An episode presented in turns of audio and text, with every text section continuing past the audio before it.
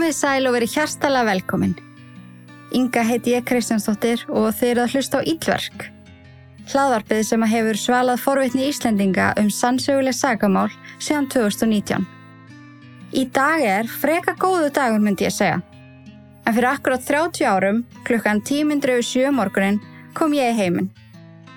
Og þar sem að ég á ammal í dag, þá langaði mig að gefa ykkur insýn inn í Íllverk áskriftina og lefi ykkur að hlusta á einn af þáttunum sem að komu út núna í april.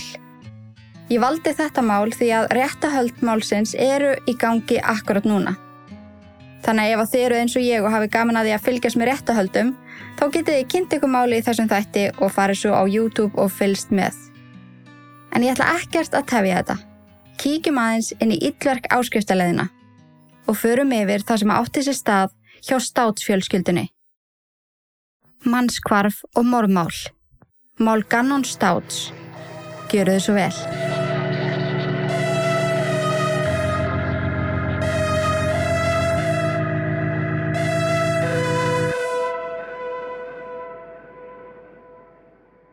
Við erum staðsett á Myrtle Beach í South Carolina. Bær sem að verðu vinsætli ferðamannastaður með hverju árinu sem að líður. Þar í rólegu fjölskylduvænu hverfi byggu Albert, alltaf kallar Al, eiginkona hans Landon og börnin þeirra tvö, Gannon, Jacob og Leina. Al og Landon byrjuðu saman í kringum árið 2000 og giftu sig árið 2002. Þau eignuðust svo Gannon árið 2008 og Leinu árið 2012. Báðar meðgöngur gengu verulega illa og fóru allt á snemma að stað. Gannon fættist fjórum mánuðum fyrir tíman og vó rétt rúmlega 500 grömm. Hún var ekki hugað líf og ef svo ótrúlega vildi til að hann lifði þetta af, ætti hann alla æfi eftir að eiga við líkamlega kvilla eða þroskaskerðingu. Hann kom í heiminn 29. september árið 2008, en foreldra hans fengu varðla að koma við hann eða halda á honum fyrir 20. oktober sama ár. Þau döldu með hann á sjúgrási í fjóra mánuði þar sem að litli snáðinn gekk í gegnum virkilega erfiða hluti, svo sem mikla öndunar örðuleika. Lungun fjallu ítrekka saman og hann þurfti að vera með sondu. Þótt hann hafi vissulega þurfti að berjast fyrir lífi sínu og tímum hafði ástandans verið tvísínt, þá kom hann öllum á óvart okkur um einasta degi. Og daginn sem að nokkuð brakkaður heilbröðu drengur var útskrifaður af barnaspítalunum í South Carolina í janúar 2009 Þá klöppuðu læknar og annað starfsfólk spítalans því að barni var gangandi kraftaverk og stuttu eftir útskriftina var honu veitt hetju verlun frá sjúgrásinu sem áttu alltaf eftir að príða herbyggið hans. Það var ímislegt sem að fyldi því að vera fyrirburi. Hann var viðkvamari, þurfti að fara mjög reglulega í tjekk og var ofsalega smár, en aldrei kvarstaði gannan. Hann brosti bara út í eitt og fór mjög ungur í mjög stífar skriðæfingar. Hann fór árið setna en jafnaldra hans í leikskóla og sömulegis í skóla. En þegar hann fór að vaksa og þroskast, þá hjælt hann léttilega í við jafnaldra sína og gott betur en það. Árið 2012 kom svo litla sýstur hans í heiminn. En Landon fór aftur á stað fjóru mánuðum fyrir tíman, en einhvern veginn var hægt að stoppa það af og Leina fekk aðeins lengri tíma til að vaksa og dapna.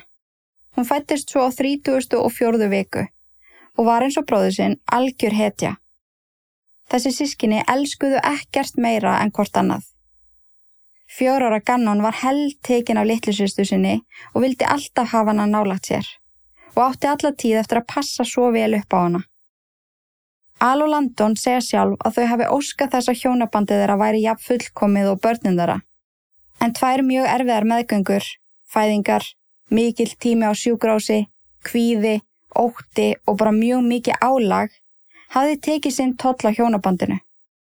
Þau ákveða skilja í byrjun ársins 2014 og fyrstum sinn þá skiptast þau á að búa í húsinu þeirra á Myrtle Beach því að þau vildu ekki raskara á barnana. Þar sem að foreldra þeirra begja byggu líka á Myrtle Beach þá flutti Al inn til foreldra sinna í viku og Landon var þá heima með krökkunum og svo skiptu þau og samkvæmt þeim báðum þá gekk þetta bara mjög vel. En eins og gengur og gerist hjá ný einhleipu fólki, allavega sömum, þá koma inn í líf þeirra ný áhugamál, nýjar vennjur og nýtt fólk. Þarna fengu Al og Landon allt í einu viku útaf fyrir sig sem að þau nýttu í misgáilega hluti. Því miður leittist Landon út í fíknefni og flutti inn með manni sem að hafði ára raðir, bæði selt og notað fíknefni. Þetta breytti vissulega sambandi Al og Landon sem að fór að rýfast mjög mikið. Al skiljanlega vildi ekki hafa börnin sín í slíku umhverfi og Landon sórnaði það að hann evaðist um hana sem móður. Erfið samskiptið þeirra á milli enduðu svo fyrir framann dómara í réttasal, þar sem að Landon fær fullt forræði við börnunum. Al gæti aldrei sanna það að heimili Landon og nýja kærastans væri skadlegt fyrir börnin, en Landon gæti hins vegar sanna það að Al vann mjög mikið og var mikið í burtu vegna vinnunar. En hann hafði í langan tíma unnið sem Colorado National Guard og officer. Eftir þetta fekk hann bara hitta krakkan á miðugutugum þegar hann sótti þau í skólan og skuttlaði þeim aftur í skólan morgunin eftir.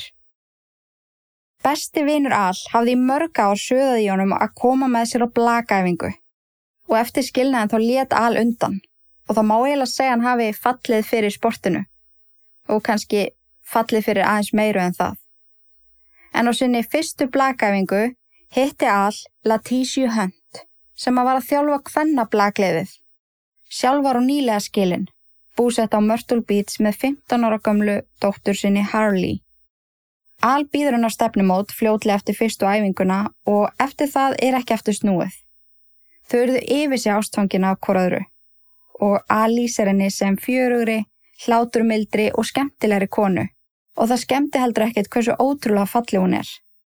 Það sem að endala sannfarði Alum að þetta væri framtíðar eiginkona hans er þegar hann fór fyrst í heimsók til hennar og hitti þar Harley í fyrsta skipti. Hann fjall fyrir því hvernig mamma Leticia var og nöyt þess að eigða þeirra fyrstu kvöldstund á heimili hennar saman við eldursporðið að aðstofa Harley með málfræðaverkefni. Stundirnar með hans börnum voru jafngóðar og hún þótti væntum að sjá hversu fljótt Leticia náði til Leinu og Gannon sem að fóru fljótlega að spyrja mjög reglulega hvenar hún kæmi nú aftur í heimsókn. Al og Landon selja húsi sitt og Al flytur inn til Latísju, þar sem að krakkarnir hans fá sín eigin herbyggi. Latísja og Al gifta sér svo í lok ársins 2015. Eins og við töluðum um þá starfiði Al sem National Guard og Officer og því starfi fylgdi mikið flakk. Hann þurfti til dæmis að flytja til Alaska í tvö ár, eða frá 2017 til 2019. Á þeim tíma þá fekk hann leifi til að hafa börnin sín tvö yfir sömatíman og bæði Latísja og Harley komu mjög reglulega í heimsókn. Líka á þessu tímabili fær all þar frettir að ástandið á heimili Landon sé ekki gott og að krakkarnir hafi verið heima á meðan á partíi stóð. Örlítil samkunda hefur nú aldrei skadaninn, en þessi tiltegna samkunda endaði með því að laurugla þurft að stoppa það af og fundu þá börn sofandin í herbyggi. Í kjölfarið af þessu þá sækir alum það að hann og Letícia fái forræði við börnunum, eitthvað sem hún var mjög sammála með og barðist með honum fyrir því. Og þegar þau náð því í gegn, finna þau sér stærra húsa á Myrtle Beach. Hús nummer 6627 Mandon Drive í Colorado Springs. Virkilega fallit hús á tveimur hæðum með nægu plássu fyrir alla. Fljótlega eftir að Al kemur aftur heim frá Alaska fær hann þær fréttir að kærasti Landon hafi dáið á heimilið þeirra. Og eftir hann heyri það þá lætur hann allan þeirra ágreining til hliðar og var til staðar fyrir hana. Sumilegis þegar hún ákvaða að fara í meðferð og rétta úr sér í eitt skipti fyrir öll. Maður ímynda sér að þarna hafi hann upplifað svona, ah, augnablik. Hann var með börnin sín hjá sér, giftur indisleiri konu Sambandi við Landon var að batna með körun deginum og hann bjó í stóru fallegu húsi sem að hafði meira segja pláss fyrir hans allra helsta áhugamál sem að er að smíða húsgögn. Lífi var gott og framtíðin björst og spennandi.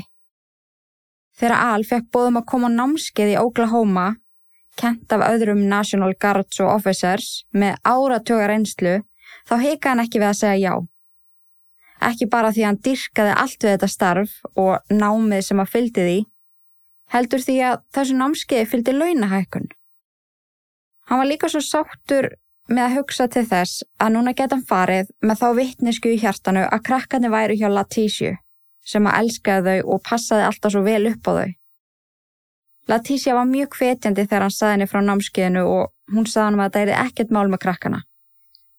En á þessum tímapunkti starfa hún sem barnaskóla kennari og dagskráin hennar passaði vel við dagskrá krakkana, svo að hún gatt skuttla á sótt, ekkert vesen.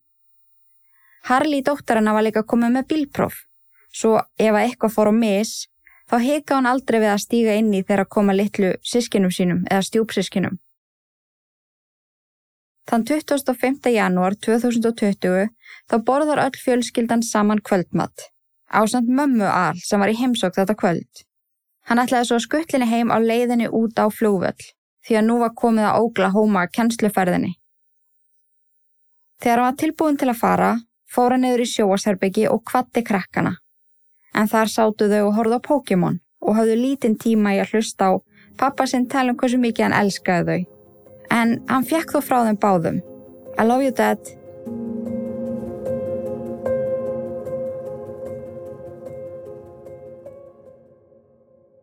Mánudaginn 27. janúar fær all símtal sem að allir foreldrar óttast. Þetta var Latícia og hún saði hann að Gannon væri ekki komin heim. Hans var ekki síman og ekkert að foreldrum vina hans hafi séðan og hún finna heldur ekki eftir að hafa kert um svæðið. En Al og Latícia hafði heyrst nokkru sinum yfir daginn fyrir þetta símtal þar sem að hún deldiði með honum hvað hafi átti stað yfir hennan dag sem að við munum tala um eftir smá stund. En Gannon hafi farið út á milli þrjú og fjögur til þess að hitta vinsinn. Núna var klukkan orðin sjö og ekkert bólað á honum. Latícia var búin að ringja á neðalínuna þegar hún ringdi í all, en henni var leiðbend að ringja í sérstakar línu fyrir mildari atvik eða not urgent line. Hún gerir það og laurugla mætir ekki á svæðið fyrir klukkan tíu, sem er mjög sérstakt en þar sem að þetta var flokka sem minniháttar er það kannski skiljanlegt. Latícia segir lauruglu frá deginum, en það var heilmikið bras á gannon þennan dag. Í fyrsta lagi þá fór hann ekki í skólan því að hann var svo slæmur í maganum. Hann mitti sér í fætunum þegar hann fór nú tréverkstæði pappa síns og steiga á eitthvað oddkost á gólfinu. Hann heldi niður kerstavaksi, beint á rándýrst teppi í stofinni og hann var freka reyður og perraður þegar Latícia banna honum að spila Sonic eftir að hann hafði spila nær allan daginn. En Gannon dyrkaði tölvuleiki, þá sérstaklega leikinn Sonic og leikinn Super Mario. Hann spilaði þá aðalega í Switch tölvunni sinni sem að var dýrgripurinn hans og svo í Playstation við pappa sinn. En draumur Gannon var að verða frægur gamer youtuberi og var með þess að búin að gefa út sitt fyrsta vídeo. Hey guys, and today I'm, I'm about to play some Sonic Mania. Al kom heim með fyrsta flugi og Leticia kom upp á flugvöld að sækjan og við tók umfangsmikið leita gannon. Allir, og þá meina ég allir, tóku þátt í að leita og frettinnar af týnda gannon fóru eins og eldrum sinu.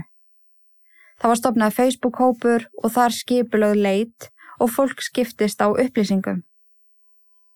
Al var skiljilega að fara yfirum og náði ekki að einbeta sér að neinu öðru en hann fór svo að velta fyrir sér nokkrum atveikum sem að hann hafði kannski ekki spánett sérstaklega í fyrst, sem að urðu skrítnari í hver skipti sem hann hugsaði um þá. Í fyrsta lagi átt hann virkilega erfitt með upptöku sem að Latícia spilaði fyrir hann. Upptaka sem að hún tók morgunin 27. janúar eftir að Gannon heldi kerstavaksi í teppið. Gannon, I promise it's the last time I'm going to ask you. I'm just freaked out, okay? Are you sure you didn't do it on purpose? They did it Okay, we promise. You promise. Pinky promise. Pinky. Okay, all right, so listen, listen.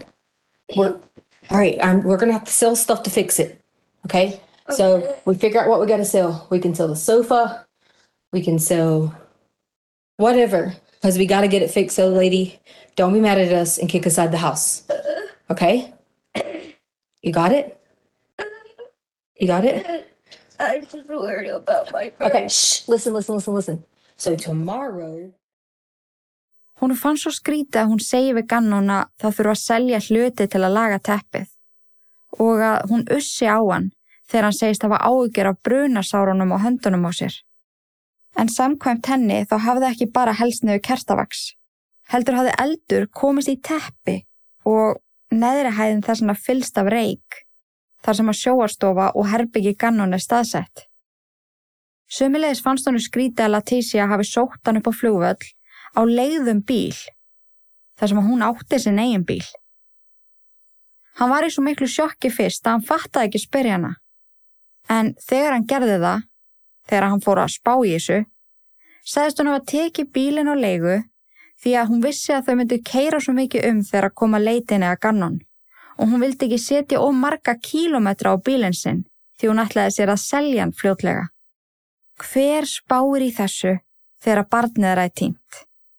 Engin. Aldrei.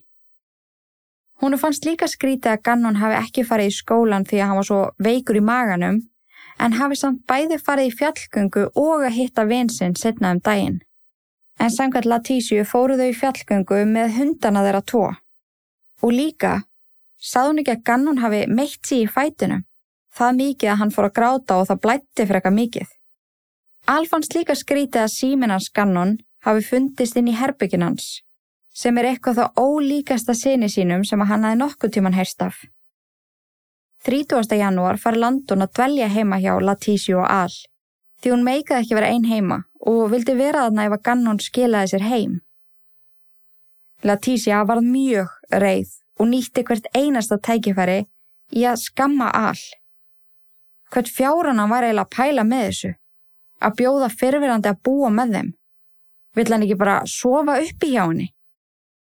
Hún tekur þessu það nærið sér að hún pakkar í töskur bæði fyrir sig og Harley og keiri svo í burtu. Alla leði til Florida, þar sem að þær mægur dvelja í nokkra nætur. Á meðan þá neytur hún að svara Ali síman. 3. februar 2020 er lauruglu afhengt vídeo sem átt eftir að breyta gangi mála á allanhátt en um leið og fólk heyrði að hvarfi gannon, þá fóru allir þeir sem að voru með öryggismyndavelar beint í upptökurnar og aðtöguðu hvort það væri eitthvað þar sem að geti hjálpað. Nágranni státsfjölskyldunar, maður sem að bjóð tveim húsum frá, var með ringmyndavel utan á húsinu sínu sem að náði mynd af bílastæðinu hjá státsfjölskyldunni.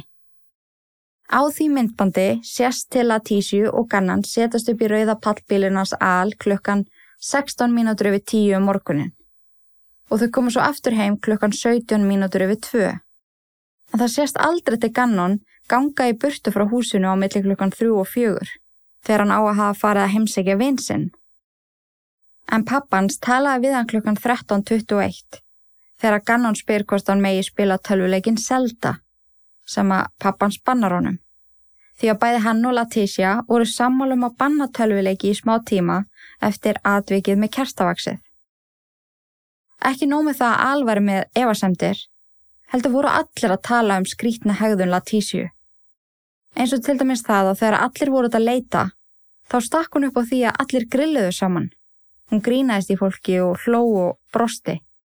Leticia sem var mjög virk á öllum samfélagsmiðlum fylgdist með umræðinu um sig og fannst hún knúin til að verja bæði sjálfa sig og dóttu sína. Og hún gerir það með því að koma fram í viðtali. Og í því viðtali þá beður hún fólku vinsanlegast um að einbeita sér af því sem að skipti máli, sem er gannon. Og hún get ekki beði eftir því að hann komist í leitirnar því að þá getur hún krafist þess að fólk beði hana innilegar afsökunar fyrir þessar skjálfilugu ásakanir. I am Tisha Stout, which is Gannon's stepmother. You've been a part of the investigation since the very first time. You were the last person to see him. Is that right? Correct. You know, there was comments about Gannon getting pushed off the hike, and there was comments about this, and that's just not true. I took care of Gannon for the last two years in our home because his mother didn't want to do it. And I would never, never, ever hurt this child. And I know there's some questions out there about, okay, so tell me what happens that's up to the investigations when they end up letting you guys know. But I've cooperated with them, even to the point that we were held with a gun. And my daughter, a 17 year old who serves our country in the United States Air Force, who has never committed a crime or done anything wrong in her life, was put in handcuffs over the keys that was in her purse. I was totally okay, but they still had a gun and told me they were going to shoot me. The rumors have gotten so bad. Uh, I pretty much have been told at least 10 different ways that these people have these conspiracy theories. I guess they watch a lot of law shows and maybe they have all these theories on how um, Gannon is dead. And that's what they're saying. So I'm like, why are you saying Gannon is dead? He is not dead. We are going to find Gannon. And that's the main goal that we all have. My family has. Just because you haven't seen us, we have that same goal and we've been out searching. My aunt has been out searching. My family has been out searching. We all have been doing that together so that we could protect each other. I'm just ready for Gannon to come home. Most importantly, for him to see his family. But second, I am going to be so ecstatic when I'm able to say to people that I hope they have a really sincere apology for all these theories that have came out online, for all the things they said that I have done or people have done. And I just want everyone to know that we're going to find Gannon. And I love him so much. I've helped taking care of him for so long. Do you feel like I asked you what I need to? Do you feel like this is going to help kind of turn the tide of what feels like a witch hunt, in my opinion? I hope is am I on camera now? You are okay, still. Okay. Um, I think that a lot of people can see that I'm not missing and see that I am being cooperative and but to me it's okay that they think those things because my the way someone thinks about me I don't have a problem with that. My main thing is I would never want someone to think that I would hurt Gannon or any of the children in our home. We should all come together and wait until the end and, and see what happens because Gannon's going to come home. Any message for Gannon? The message for Gannon I have is Gannon, when you get here, you'll be able to truly tell what happened. And then I really hope I get a sincere apology from everyone who has made all those things, especially from my husband. Sömuleiðis fara Al, Landon og Leina í viðtal, þar sem að þau grátt byggja almenningum aðstóð. Gannon verði að koma heim. Og það er bara mjög mikill munur á viðtalinu sem að þau fara í og viðtalinu sem að Leticia fer í. I'm Landon Hyatt, Gannon's mom, and I encourage you guys. I know many of you mothers and fathers. I encourage you just to seek, find him. I'm so thankful for all the outpouring help that this case has brought. My son is a very loving kid. He wouldn't want harm on anybody at all. And it's so hard to just think, why is this happening to him? I have no clue. But my kid deserves to come home. My kid has a purpose. My kid has a life. And it's important to me. And it's important to everybody that's standing in this room. Gannon, Bubba, little man, mommy's hero, wherever you're at. Mommy and daddy's here. We're begging and pleading for you to come home. I know that's your biggest wish, is to see mommy and daddy standing here. We're here, Bubba. We're here for you, and I can't wait till you're found, because I have hope that you are going to be found. You are my hero. You are the reason why I have life. He's so special to me. I don't think many people can understand. My child was a one pound, six ounce baby. He had a 10% chance of survival. If he survived, he would be profoundly disabled. None of that is accurate. He's gifted and talented. Do anything for anybody. So I'm begging, I'm pleading, if anybody has any type of lead, put yourself in my situation. Ask yourself, what would you do? My Savior is a great Savior. And I know I have hope and that my son's going to be here. Please come home, baby. Please come home. Again, and Daddy loves you so much. Please come home. En þarna er búið að lýsa yfir hættustígi í leitinni af Gannon og það er talið heldur ólíklagt að hann sé enn á lífi. Þann 14. februar á Valentínarsadaginn þá ringir Al í Latísju sem hafi lítið sem ekkert heyrt í honum og sumulegist þá hafði hann ekki hugmyndum hvar hún var.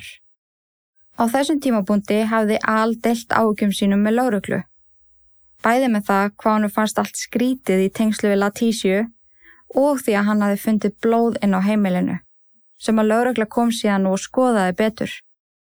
Al hafði sínt lauruglu mynd sem að Latísja sendunum morgunin 27. janúar. Myndin var að Gannon sofandi í rúminu sínu eftir að hafa verið kvalin í maganum alla nóttina. En þegar Al kom heim voru ekki sömu rúmföt á rúminu. Teppin hans Gannon voru hvergi sjáanleg og rúmið var ekki á réttum stað. En vanalega var það alveg uppi veggin. En þegar hann kom heim var búið að færa það eins frá veggnum. Það þurfti að sækja um leitar heimild svo að veri hægt að gera alvöru rannsókn. En eftir að Al ringir og segist að hafa fundið blóð var léttilega skoðað yfir vettvang og þá sérstaklega inn í herbygginans Gannon. Þar fundur stökki blettir í teppinu undir rúminu. Rísastór blóðblettur í dínunans undir lakinu sem að var alveg hreint og vegginnir í herbygginans voru allir útataðir litlum blóðdrópum. Laurugla spyr Al hvort hann sé tilbúin að ringja í Latísju undir þeirra eftirliti og að símtali sé tekið upp. Hún sé á þessum tímapunkti grunuð í málinu og þeir þurfu upplýsingar frá henni. Al samteki það og þann 14. og 15. februar eiga sér stað nokkur símtöl þeirra á milli sem að eru vægast sagt styrkluð. Við bara verðum að hafa eitthvað hluta af símtölunum með í þættinum því að þau segja svo ótrúlega mikið um Latísju og hvernig hún hugsar. Ég er að sjálfsögja búin að stitta þetta helling neður en ég hveti ykkur til að hlusta á símtölun í heilsinni til þess að heyra þetta allt saman. En hérna kemur fyrsta frásögn um hvað áttu sér stað og endilega ef að þið eru í stöði búið til drikkjuleik úr því hversu oft Leticia segir og jara jara jara. Hello? Hey, why didn't you say anything? did. I said hello. It's just hard because I have to get service off Wi-Fi. So, uh, so what's up? Oh, I'm hungry. You still haven't eaten anything? No, Why not? I don't have any money or cards. But yeah, let's just So, timeline okay. because I want to hear I want to hear your timeline so I can try to make sense of it. Saturday. Okay, you said you wouldn't question. You would just listen. Saturday. But you don't Hold on. Tisha. Tisha. Saturday. Like, what do you mean Saturday? Like right before I like me and me and Mama left. Saturday. After you left, Okay. Okay. Gotcha. Okay. around the house, cleaned up. G helped with stuff. Um, helped me get stuff out of his car. Um, he stepped on something in the garage. So I sit down in the back of the car. You know how funny I am about my car. But also, we just bandaged it up, whatever. All we did was stick a bandage on it. And then it says we came in house, and he immediately ran downstairs to the room. But then I had to go upstairs and help Lena, yada, yada, yada. So I got on my statement, it says I was back and forth, but came back when I heard a loud noise. So there was a loud noise that happened downstairs. So of course, I run back downstairs and realized, or so I thought, was a box or something fell over in the storage room. Sounded like something was really loud in the storage room, but I assumed that it was a box. That was a normal day for Saturday. Like you were already, you know, going on. You probably already got the plane. We all laid down, yada yada yada, right? Right. Right. We had everything packed, ready to go on a hike, had the Getty, had everything. We were going to plan on staying for a while and then go get dinner, you know, yada, yada, yada. All right, so Gannon stomach hurt, and he was, let's see, Gannon's stomach hurt. So during this time, I'm messaging you, which you're probably tired, jet lag, whatever. It's like, hey, Gannon's stomach's hurting, yada, yada, yada. Right. All right, so I went upstairs. He was on the sofa to watch TV. I told him I'd come back later with him because he wanted to watch something on the show, but I had to get Lena ready, and I promised him I would let him stay up 30 minutes later. I said, you know, I was upstairs, get Lena ready for bed, yada, yada, yada. Well, then, out of nowhere, I, the alarm is going off. It didn't start with anything other than the alarm. It kept going. And it, then it started fire. It was yelling loud, fire. And so I grabbed Lena, run her outside, run her with the dogs, give her the keys to the truck, throw them in the truck. And I run back inside. Run back inside, still don't know anything. And then remember, oh my God, Gannon. So I run back downstairs. I was coughing and choking and couldn't like get through the smoke part. Again, was still asleep, not knowing this was going on, and there was five. I took the cover. There was a whole bunch of tons of cover that was inside that little tan thing, and Gannon had on or whatever, and I just jumped on him. I don't know if that was the right thing to do. If it was the wrong thing to do, I'm sorry. But I just jumped on it and kept jumping on it, and like Gannon was right in one of the covers. So Gannon did burn his arms. wasn't bad. It was like a, it's like you know how you get a little bit of oil on it, and it's just like underneath the skin. As long as y'all peel it, it's fine. Yeah, but, but So we ran out. I'm sure they got the footage of us So me running out first because Gannon was grabbing his cover, running out behind there because he was what, hey, what time was this so we can I can maybe tell somebody to look at the footage? Well, I mean, uh, I would imagine whenever that alert went off from ADT, it Okay. would have been within that within that few minutes. Yeah, Like, fine, I got you. Hey, So- hey, tell me about it. So, I'm really concerned about these burns because you know he's freaking hurt. Like what? What? What? Were they big? Were they small? Like what was it? Was it? Was it from the candle wax or what? Let, let me get to that part. It's not going to worry you in a minute when I get to that part. Okay, because I'm freaking out right now. Because Understand? So when he runs to the car, John, he runs in because I'm running. He's running behind me. I jump in your truck.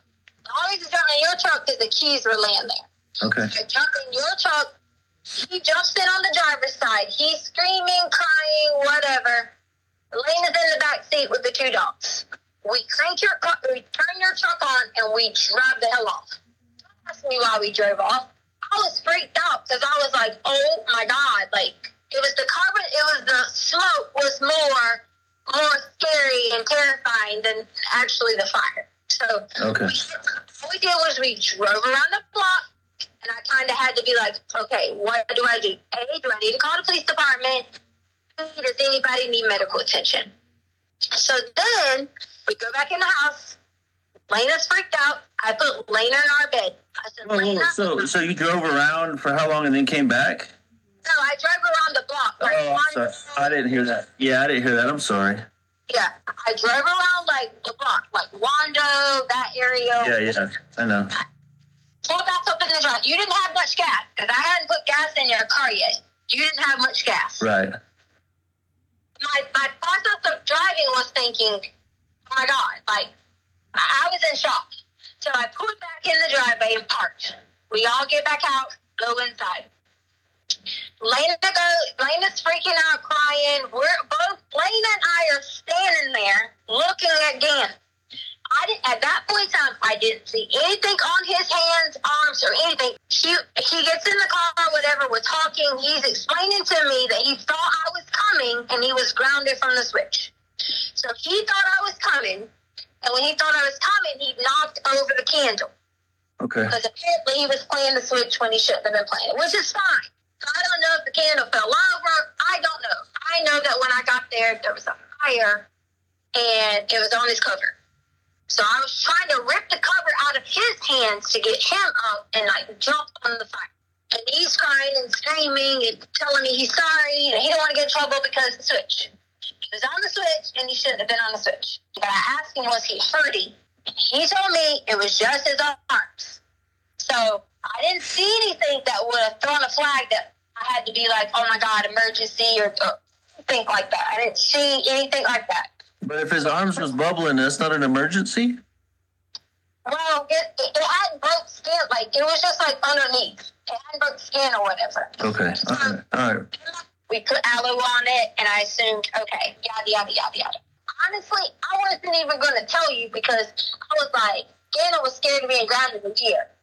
You know, and I was like, I'll buy a new couch. We'll fix the couch. We'll, we'll replace everything in here. Don't worry about it.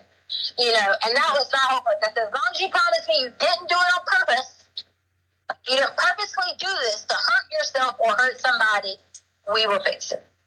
And that's how we ended on Sunday. So Gannon was still like, you know, upset. He was only emotional about the situation, his stomach was hurting. So that's where we were at with Sunday. I said, I'm just going to make the decision that Gannon can stay at home tomorrow because he is so terrified about putting in his pants. Yada, yada, yada. So then, that morning, we were like, I said, Gannon, I said, I'm going to stay at home with you today because I don't want you to stay by yourself. And I was going to look at a bike for you. This guy was on Craigslist because he had this bike, like a um, a touring bike, and I said, Yeah. "You want me to look at this touring bike or whatever." And that was Monday? I went back in there, checked on him, gave him some more water, made him drink some more Pedialyte because he wasn't eating because he was so upset. And that's when I noticed he started peeling things like on his arm, and I said, and at that point in time, which I told you, like I told them, Janet had blood that was on his arm and on the side of his wall. Gannon asked me questions. He was just like, "Why does this happen to me? Why I always get hurt?" Because you know he had hurt his foot on the on the boards outside. And I said, "Gannon, we're gonna figure all of it out. Don't worry about it. We will replace it." Yada yada yada. So that was our plan for Monday. Go to Play Against Sports, get some coffee. We needed to get gas, and we were gonna monitor his arm along the way. Go check on the thing about the bike. Right. We got home about, I don't know what time the alarm got set off. 2.30, 2.45, whatever the whole crap is. 2.45 or 2.30, I'm not sure exactly, but in that time frame before Lena got home, you know, I'm getting out, going in the house, or whatever. Gannon goes in, and Gannon goes straight to his room. Yada, yada, yada. Gannon had asked me, was he, that you said that he could go with a friend and come back later tonight. Again, I said, Your daddy said you can play with your friends in the neighborhood, but you cannot go with some friend in some car or whatever it may be. I hear another loud noise downstairs. Not even about, I don't know, 10, 15 minutes later, maybe 20 minutes. And I was like, Gannon! Didn't hear anything. And I just thought he's down there bumping and flopping and, you know, doing his thing whatever it may be.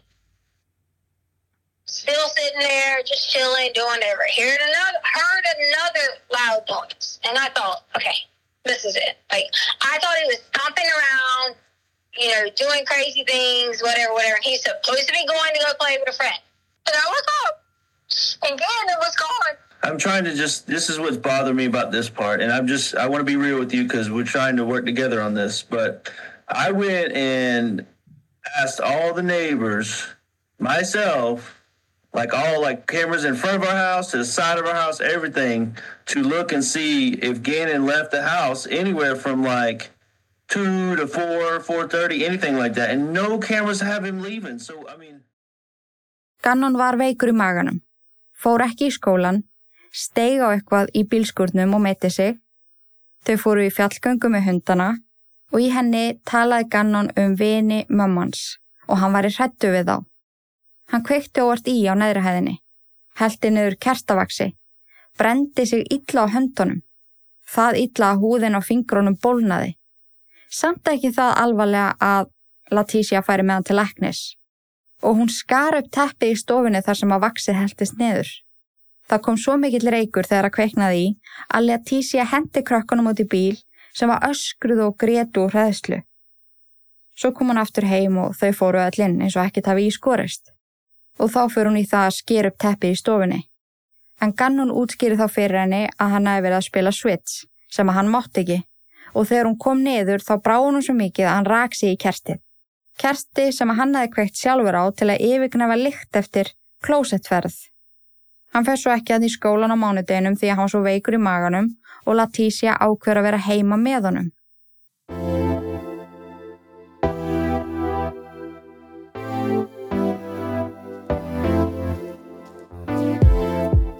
Það er nýverið búið að skella inn nýjum kökkum í langtímalegu sext. Þau hendu mér á glænýjan Renault Captur sem er svona bíl sem ég hefði aldrei spáði en vákvæðan er fáralega þægilegur. Ramax og bensibíl rúmgóður, skemmtilegur að keira og mér finnst ég bara algjör djöfis að skella á honum í alvörinni. En núna eru þau hjá Sixt að bæta nýjum bílum og þeirra plan er að auka úrvalið af 100% Ramax-bílum því að öll stefnum við nú þangað að rúla um á ramagni eins og, eins og sagt í einhverju allt annar auðlýsingu. En kíkja endilega úrvalið inn á Sixt langtímalega. Það finna sér allir bíl við sitt hæfi á góðu verði. Og hei, ekki gleyma að nefna það að þið séu að hlusta á Ílverk og þá munum meistarandi þannig að reysa upp góðan díl fyrir þau. Skoðuðu bíl og langtímalegu. Hagstætt og alveg fárulega þægilegt. Six langtímalega. Takk og bless.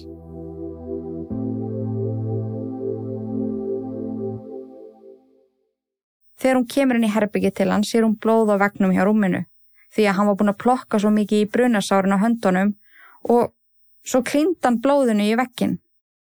Leticia þrýfur vekkina og skiptir um á rúmi Gannon. Eftir það segir hún Gannon að klæða sig því að hún þarf að erindast þennan dag og tekur Gannon með sér í það. Til dæmis tvær ferðir í dýrabúð og til þess að hitta mann sem var að selja fjallahjól og krekslist. Leticia segir að þau hef ekki fundið mannin svo að þau fara bara heim. Þá var Gannon orðið mjög slæmur í maganum og það bæði blætti úr rassinum á honum og hann hefði kúkað í sig, segir Leticia. Hún fer samt ekki með hann til læknis og fljótlega eftir að þau koma heim þá byður hann um að fá að hitta vinsinn. Hann fer út og kemur svo aldrei aftur heim. Leticia segist það var ætt við alla fóreldra vinans. Gengi á milli húsa og spurt, en enginn kannast við að hún hafi nokkuð tíman gert það. Hún gætt heldur ekki nefnt neina vini gannan og nafn eða hvar þeir byggu. Það heyrir það hver helvita maður að þessi saga gengur ekki upp á neitt hátt og al vissi það vel. En það sem hann vissi líka er að hann varða að halda áfram að pressa á Latísju og spyr hann að bent út.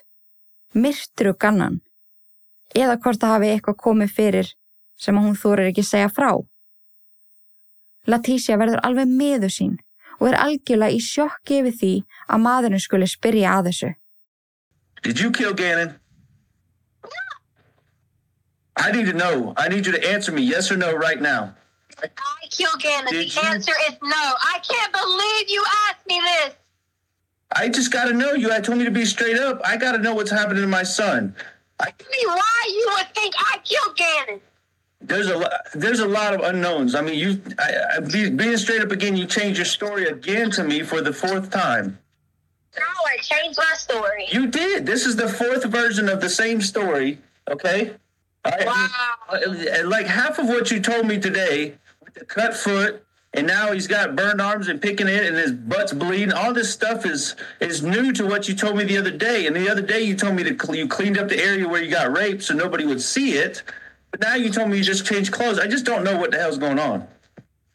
I didn't tell you. First off, you never even listened to me about anything that went i on. did. I no you stop because i listened to you. so get it straight tisha. That's horrible. I don't know what to think. My my son's blood. You're telling me his blood's all over the walls. I asked you if you if you killed him. You said no, and I'm sorry. That was a hard question. But if you know anything, or you did anything, or, or just upset about it, we can we can work together, and I can help you. But I can't help you if you don't tell me anything. It's just there's so many unknowns, Tisha. Oh my god. I mean, was what did anything happen that was an accident that you just that you're scared about? Really? Oh my god, I really thought like I I thought out of this conversation like I really thought you were gonna be supportive of me. I thought you were gonna bring your family back together. And I thought that we were gonna talk about everything every single day of nothing but Gannon. That's what I'm trying to do.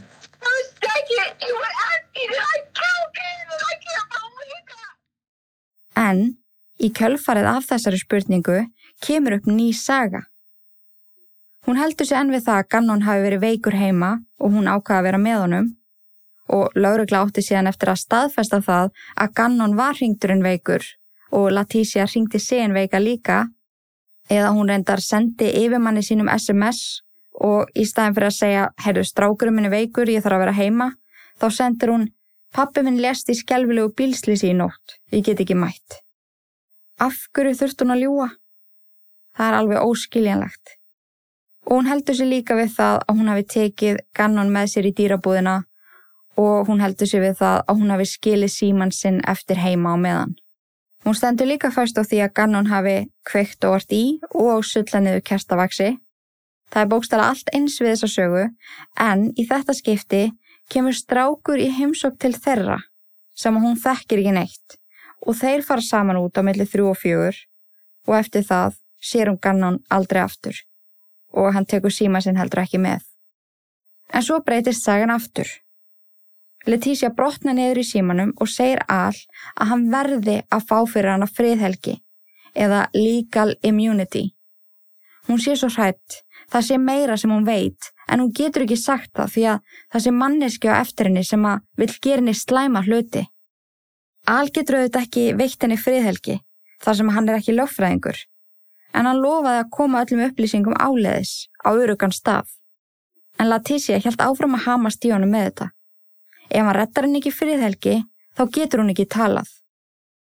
Þar sem að FBI lauruglumenn voru hjá Ali gegnum þessi símtöl þá komu þeir því í kring að hann mætti segja að hann geti rettað henni friðhelgi þótt að það lofurð væri rauninni innhalslaust.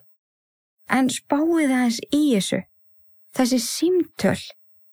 Hversu rólegur og yfirvegaður er hægt að vera? Nú er ég ekki að spila símtölinn í heilsinni, en það eru þau í heildina næstu í þrýr klukkutímar. En ég er að segja ykkur það, það er erfitt að hlusta á þetta. Það er svo erfitt að hlusta á allt bullið sem að vellur upp úr konunni. Og með að við hvað mér þykir erfitt að heyra þetta, getið ímyndað ykkur hvernig er að vera all. Að hlusta hann að bulla algjöru þvaðri og sóa tíma á meðan strákurinn hans er týndur. Og það fannst mikið blóð í herbyggin hans, á veggjunum og í dínun hans. Hvernig ætli sé að þurfa að spila hann að leik? Ég held að sé ekki margir sem að næðu að halda kúlinu í þessum aðstæðum. En eftir að Al lofar að hjálpa henni með friðhelgi, þá breytist sagan aftur. En núna segir hún að maðurinn sem að gerði henni og gannan þetta hafi verið inn í húsinu með gannan í haldi á meðan laurugla kom fyrst á vettvang. Og hún hafi reynd eins og hún gat að benda laurugla á það með mjög lástendum handarhefingum.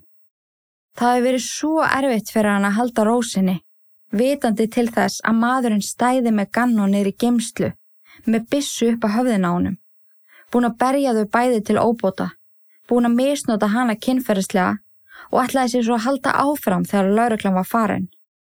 En þetta var maðurinn sem ætlaði að selja Letísju fjallahjólið. Fjallahjól sem hún ætlaði að kaupa handa al og gefa honum í valentínusökjöf. Þessi maður eldi þau heim, braustinn í húsið þeirra og tók svo gannon. Eftir að laurugla var farin af heimilinu þá kom maðurinn aftur fram með gannon og barði þau meira. Hann endaði svo á því að skjóta gannon, misnota Letísju ítrekkað og bað hann svo að retta sér ferðartösku og teppum svo hann geti tekið gannon með sér.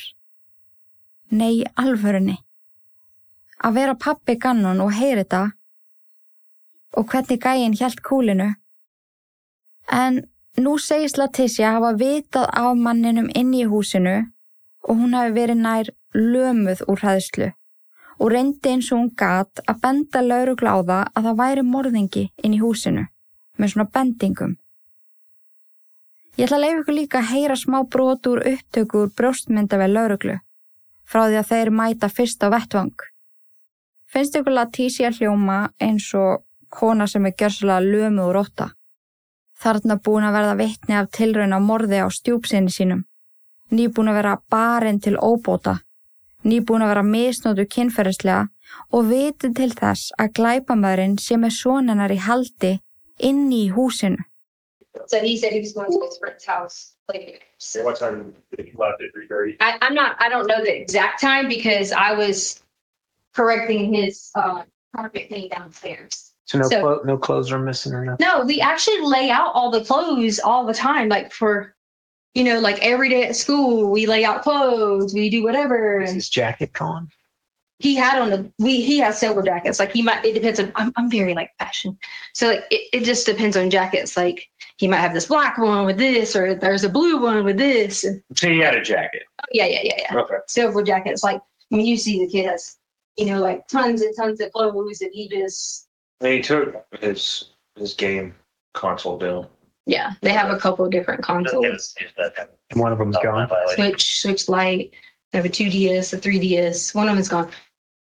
It was in like a, a bluish black. Sagan breyttist svo eina ferðina enn eftir að Al spurðana meira út í þennan mann. Hún var ekki lengur vissum að þetta væri maðurinn með hjólið. Henni hafi bara grunað það því að hún og Gannon fóru þennan dag og ætluð að hitta hann. En á leiðinni til hjólamannsins þá sáðu mann liggjandi á götunni. Leticia stoppar bílinn því hún vildi ekki keira á hann og gerði sér líklega til að ringja laurugluna. Í því stekkur maðurinn á fætur, rýfur upp bílhörðina og sest inn í bíl til Latísju og skipar hann að keira.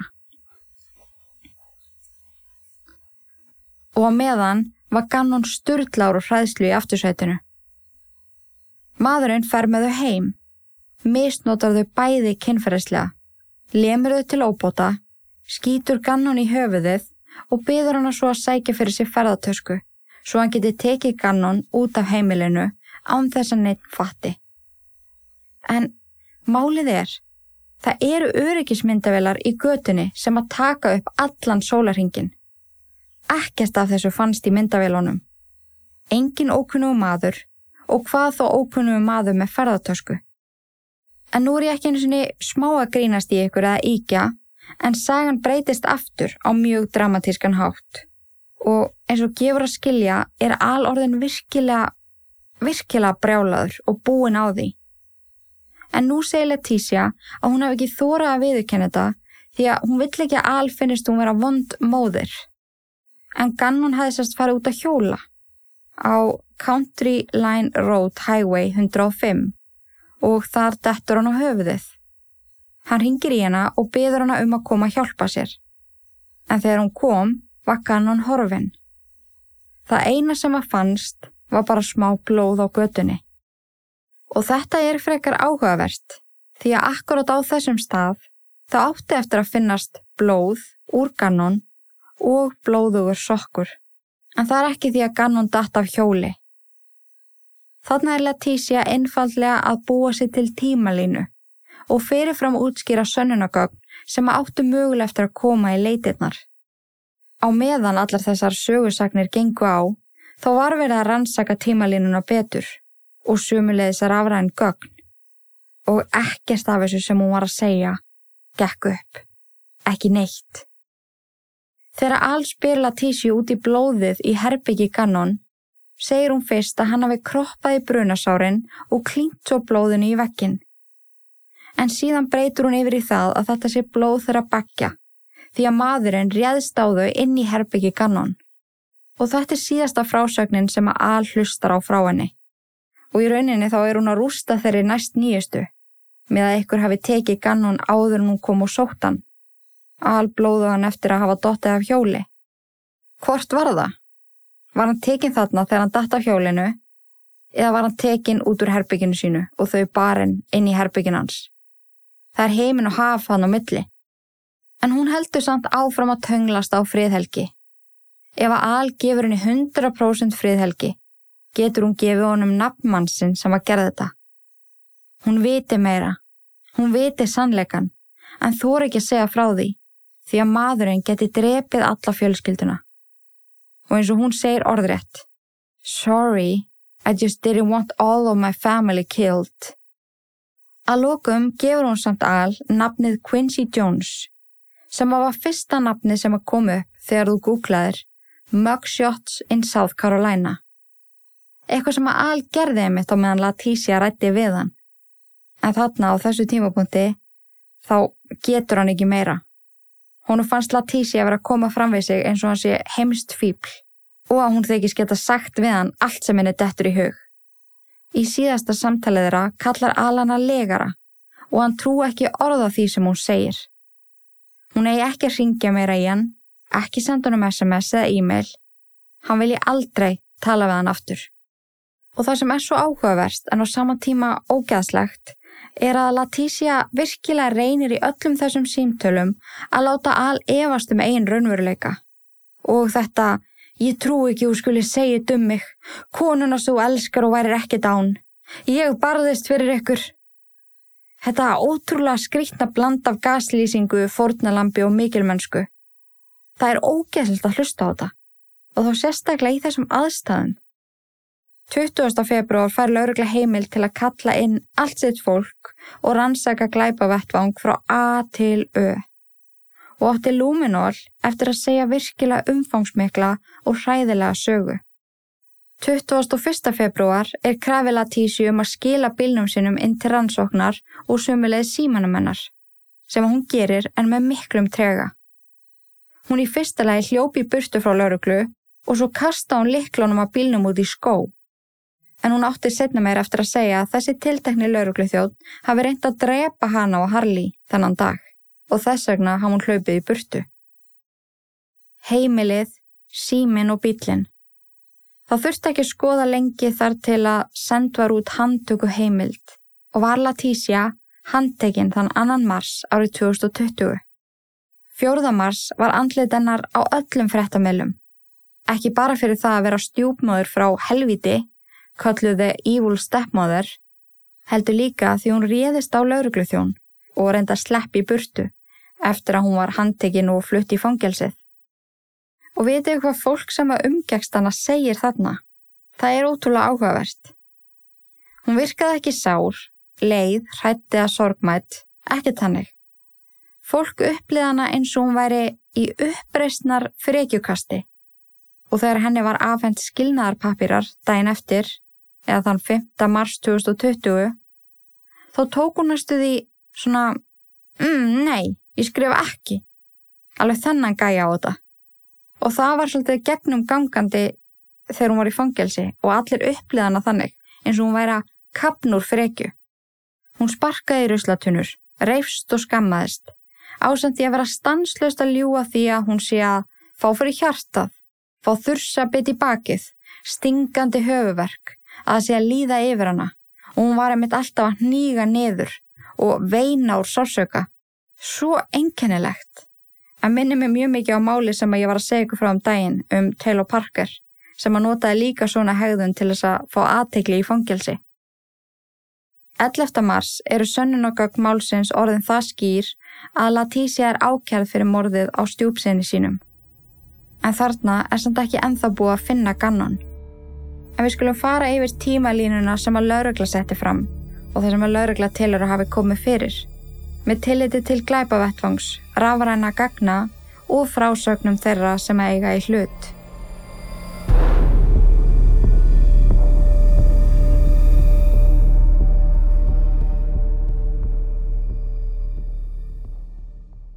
Laurugla telur að Latícia hafi myrst gannon upp á klukkan 2 þann 27. janúar 2020 og miða við glæpavættvang þá fór morðið fram við hliðina á rúminans og svo í rúminans.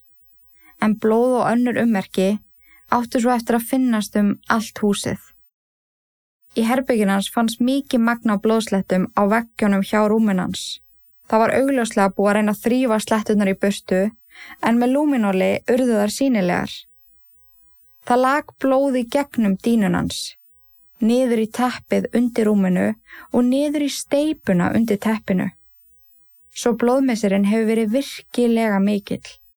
DNA sannaði það svo að þetta sé einungis blóð úr gannon. Latícia hafði skipt um rúmfödd á rúminu og skrúpa teppið, en bustarnir sem hún notaði fundust í uppþáttavélinni útataðir blóðögnum og örþráðum sem að passa við teppið. Rúmfötin sem að voru á rúminu, er hún tók mynd af gannunum morgunin og sendi á all, voru horfin og hafa ekki enþá fundist. Með lúminóli var blóðslóði rakin út úr herbygginas gannon, eftir ganginum og inn í bílskur, þar sem að Latícia setur líkið í skotti á bílnum sínum. En töluvert magna blóði fannst í bílskurnum og í skottin á bílnum ásand öðrum líkamsvessum. En allir þessi staðir hafðu verið þryfnir mjög vel og vandlega. Með við virkni í símalatísju og CCTV fórum við líkið og losaði sig við það út í vegkant kvöldið 28. janúar, daginn eftir morðið, á Highway 105. Munið þar sem hún sagði að Gannon hafi dotti á hjóli. En á því svæði fannst blóðugur sokkur og blóðpollur og DNA sannar að þetta sé blóð gannon. Í millitíni leita lauruglu á heimilinu eftir að Latícia ringir á lauruglu og hún fyrir og sækir al á leigubifræð. En talið er að líkið hafi verið í húsinu þegar að laurugla kom fyrst og líkið gemt í bílnum hennar sem hún lagði skamt frá Avis bílalegunni. Hún gekk svo þangað töluverðan spöl, tók bílalegu og sótti síðan eigimann sinn. En þegar hún sótt hann þá var hún bara búin að ná að þrýfa glæpavettvang, en ekki losa sig við líkið og þrýfa bílinn. Það er staðfest að Gannon fór ekki í skólan morgunin 27. janúar og hún sendir á vinnuveitanda sinn að hún kom ekki til vinnu því að pappennar hafi lendt í bílslísu og dáið. Leina fór í skólan þennan morgun og Harley fór í vinnuna. Svo Gannon og Leticia voru ein heima. Klukkan 17 mínútur yfir 8 á morgunin tekur Leticia mynd af Gannon sofandi í rúminu sínu og sendur á all. Og það er staðfest eftir ansókn að myndin var ekki gömul. Hún var tekinn þennan dag og við hliðina á Gannon í rúminu lág heitt elskað Nintendo Switch leikjatölvan hans. Klukkan 17 minutri við 10, 27. januar, sést til að Tísju og Gannon setjast upp í rauða pick-upin hans all og keira í burtu og þau koma ekki heim fyrir 22 minutri við 2.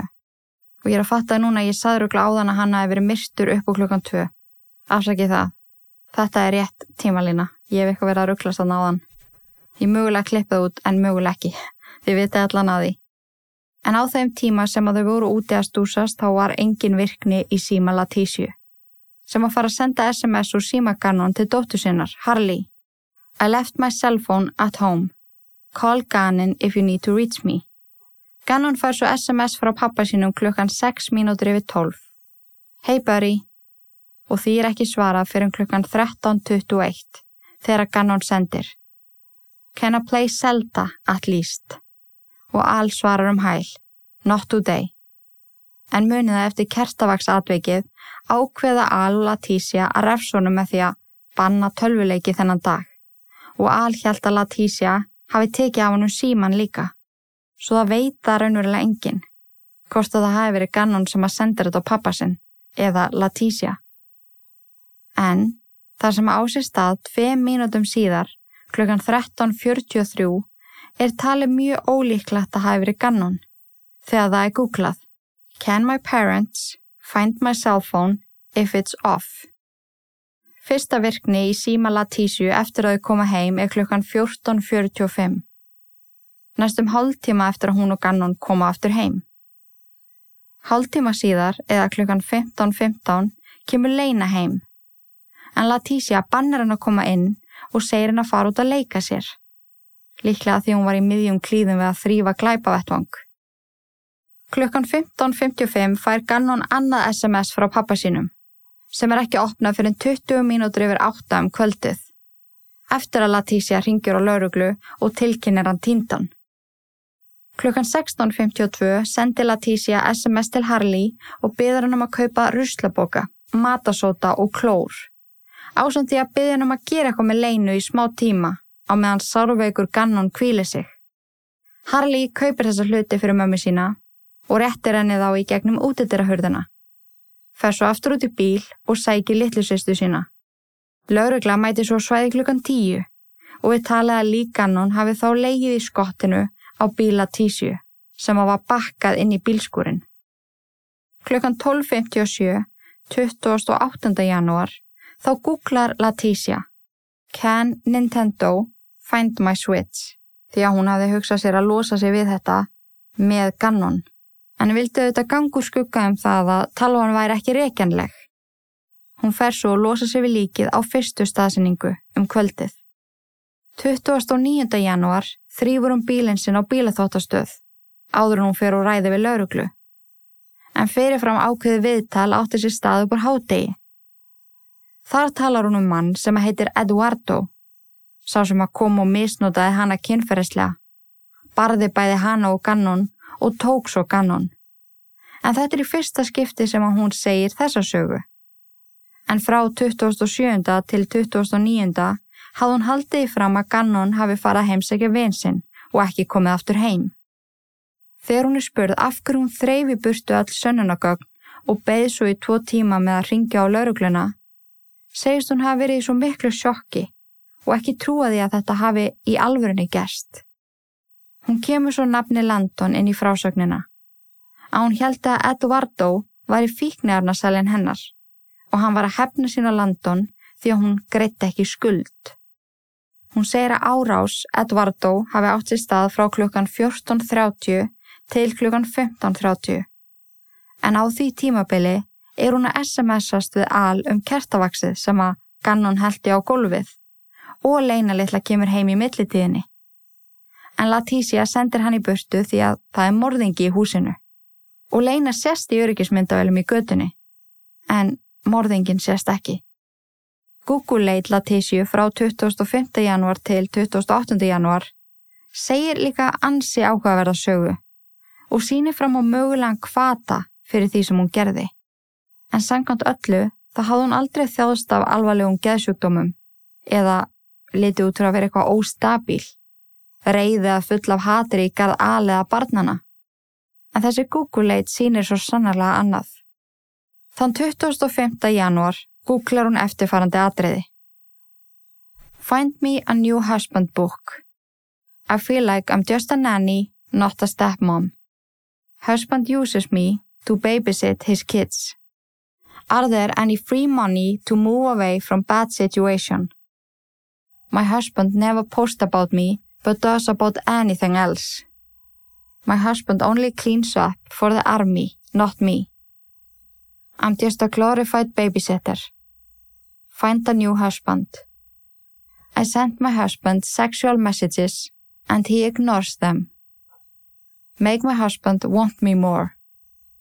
I feel like my husband uses me to babysit his kids. Find a guy without kids. Find real military singles. Parenting should be four people, not one. I'm over doing all the work for my stepkids, and their mom doesn't help. Mom advice for stepmom. If you aren't involved in your kid's life, you are shitty. My husband's ex-wife does nothing for her kids. I wonder if my husband's ex-wife is sending me a Valentine's Day card since I raise her kids. Svo googlar hún nákvæmlega sama nema í stæðin fyrir að setja ex-wife þá setur hún husband og svo googlar hún aftur þetta með ex-wife og Valentínus á kort. One day some people will wish they treated you differently. Why should my husband choose me over family? Find me a rich guy who wants me to take care of his kids. Find a guy who wants me to take care of his kids and get paid. Og hérna erum við svo komin í 27. januar. Parents are those who put their kids before their needs. Hérna er svo 27. januar. My son burned the carpet. How do I fix it? Will humidifier help if exposed to smoke? Smoke affects humidifier. Help. Colorado law, kids staying at home. School is out. Is it okay for my kid to stay at home alone? Son is sick, but I have to go to work. Son is sick. Can he stay at home? I need repair for my sofa. Svo erum við komin inn í 28. januar.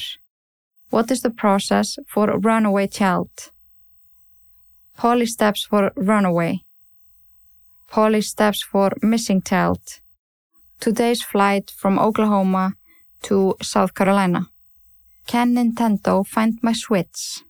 Police ask for my son's toothbrush, but says everything is okay.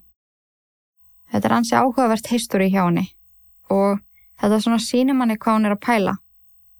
Hún er að upplifa það að vera ekki jafn mikilvæg og fyrirvæðandi og mikilvæg á börninu vera nótu sem barnapíja og alls konar þannig og það er rosalega augljóst einhvern veginn. 31. janúar ferðast bæði sími og bílatísju aftur á staðum þar sem að blóðgannon og sokkurinn hans áttu eftir að finnast.